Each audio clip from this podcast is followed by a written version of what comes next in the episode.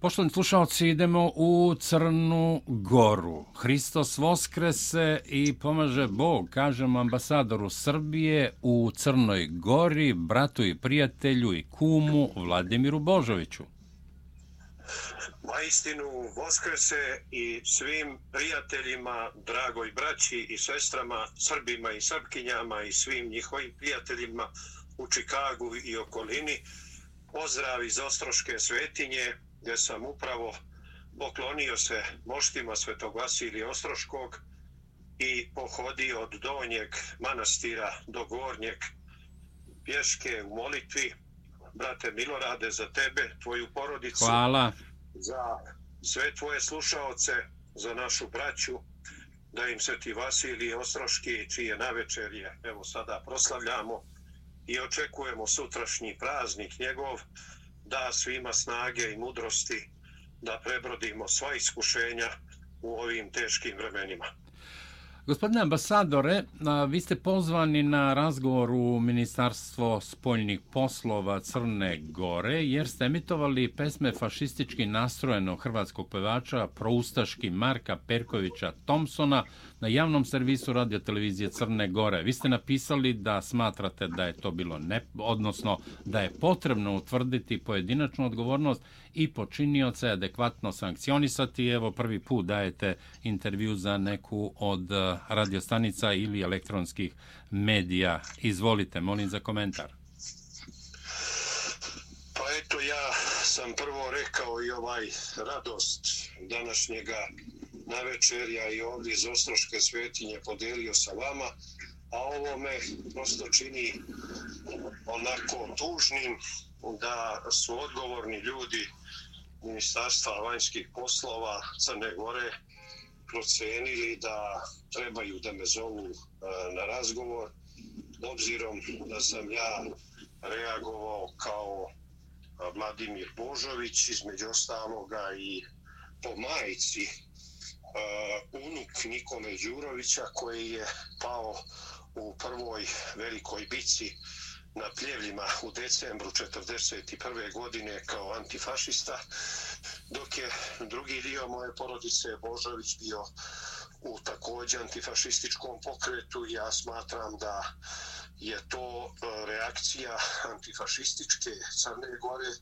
i da je to moja obaveza i dužnost kao ambasadora Srbije da izrazim protest protiv onoga ko veliča fašizam, ko veliča ustaštvo, jer su upravo fašisti i ustaše napali i raskomadali Srbiju i izvršili najveći genocid u istoriji civilizacije nad mojim srpskim narodom od Jadovna, Jasenovca, Mlake, na daleko čuvenog logora za našu dječicu, čijih se sjena i uvijek moramo sećati, jer kroz kulturu sećanja mi se u stvari borimo protiv nekulture, zaborava i revizionizma i pokušaja revizionizma fašističkih i ustaških pokreta i svakako da taj i takav pevač nije bio i dalje tvrdim adekvatan da poželi dobro jutro na dan pobede nad fašizmom 9. maja. Naravno, ja ću sutra čuti te argumente i razloge i u kontaktu sam naravno sa zvaničnim Beogradom i znaću da na njih odgovorim. Gospodine Božoviću, mi smo, kad pominjete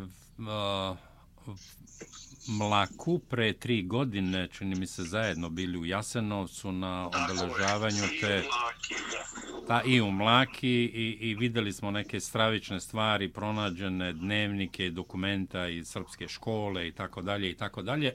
Ali kažite mi, kako je moguće da svi drugi ambasadori, tipa američkog ambasadora ili nemačkog, engleskog, u Podgorici mogu da reaguju i da to nije pod navodnicima mešanje unutrašnje stvari Crne Gore, ali ambasador Srbije to ne može i zbog toga vas pozivaju sutra na, na razgovor u Ministarstvo spoljnih poslova.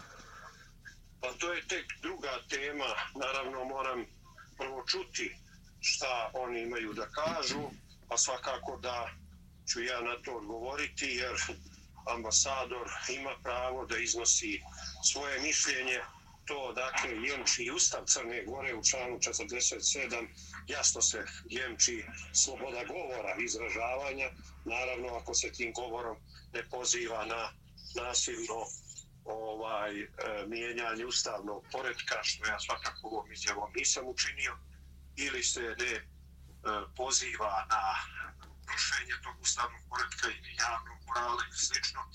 Prema tome, e, bar dok sam ja ovde, ovih 3-4 mjeseca sam čuo e, desetine puta da su strani ambasadori iznosili ocene o određenim pojavama i događajima u samom crnogorskom društvu i ne sjećam se da je ko ovaj, od njih poziva. Naravno, u zavisnosti od toga šta ću ja tamo čuti, ja ću obavestiti kolege u diplomatskom kuru i dvojena diplomatskog kora rumunskog ambasadora, kao i moje koleginice ambasadorke eh, Velike Britanije, Amerike, Evropske unije i sve druge i naravno tražiti i njihovo mišljenje na, na sve to. Ja nisam ništa uh, želio, niti sam bilo čime povredio Crnu Goru, ja poštujem državu Crnu Goru, sve njene institucije i nikakva mi namjera bila nije da ja uređujem uh, javni servis, radio televizije Crne Gore, ali prosto mislim i kao gledalac na kraju krajeva i kao građani ovde koji sada živi po poslu i po, po službenom delovanju da imam pravo da izrazim određeni stav i mišljenje. I za kraj, sutra je veliki praznik, kako se kaže u Crnoj Gori, inače među pravoslavnim vernicima, slavom u Milo, Sveti Vasilije Ostroški. A, da li očekujete da će sve proći u miru i redu, jer očekuje se na hiljade vernika, ali ne samo Srpske pravoslavne crkve, nego i drugih veroispovesti koji će krenuti prema manastiru Ostrog. Policija je već danas zabranjivala mnogima da krenu automobilima, odnosno da prođu prema manastiru.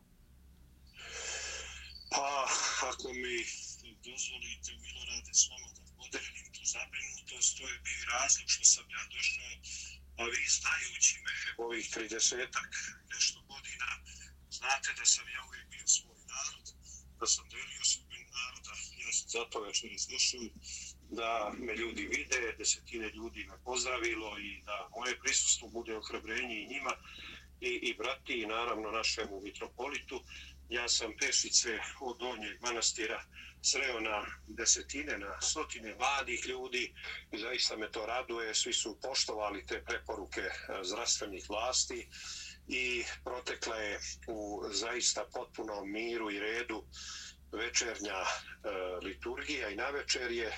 Sada će u ponoć mitropolit služiti Akatis Sveto Vasilij Osroško, a ujutro će prva liturgija biti u 5.30 časova, gdje se očekuju svi oni koji su noći se zanoćili da pristuju, a onda će oni u miru normalno i potpunom redu, kako to dolikuje svetitelju, Slavamu i milost, kome smo se svi poklonili, da, da uh, odu, a da ustupe mjesto onim drugima, koji će na glavnoj centralnoj liturgiji prisustvati, gdje ću biti ja, u 9 časova koji će služiti arhijepiskop Cetinski, mitropolit Crnogorsko-Primorski, gospodina Prilohije, sa sveštenstvom, monaštvom i vjernim narodom.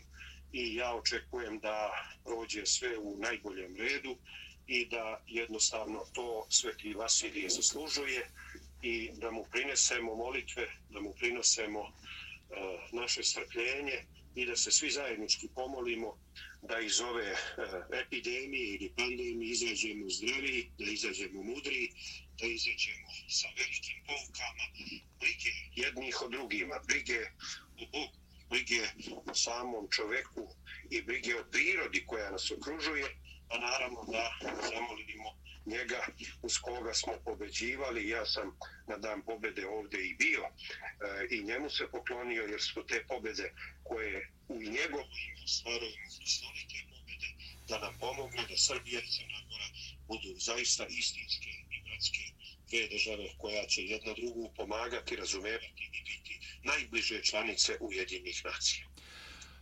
Ambasadore Božoviću, hvala vam što ste bili gost Srpskog radija Čikago. Pozdravite naše zajedničke prijatelje. Poseban pozdrav za mitropolita Crnogorsko-Primorskog gospodina Amfilohija. Hvala Bogu, Milorade i pozdrav svima vama. Poštovani slušalci, gost Srpskog radija Čikago bio ambasador Srbije u Crnoj Gori, gospodin Vladimir Božović.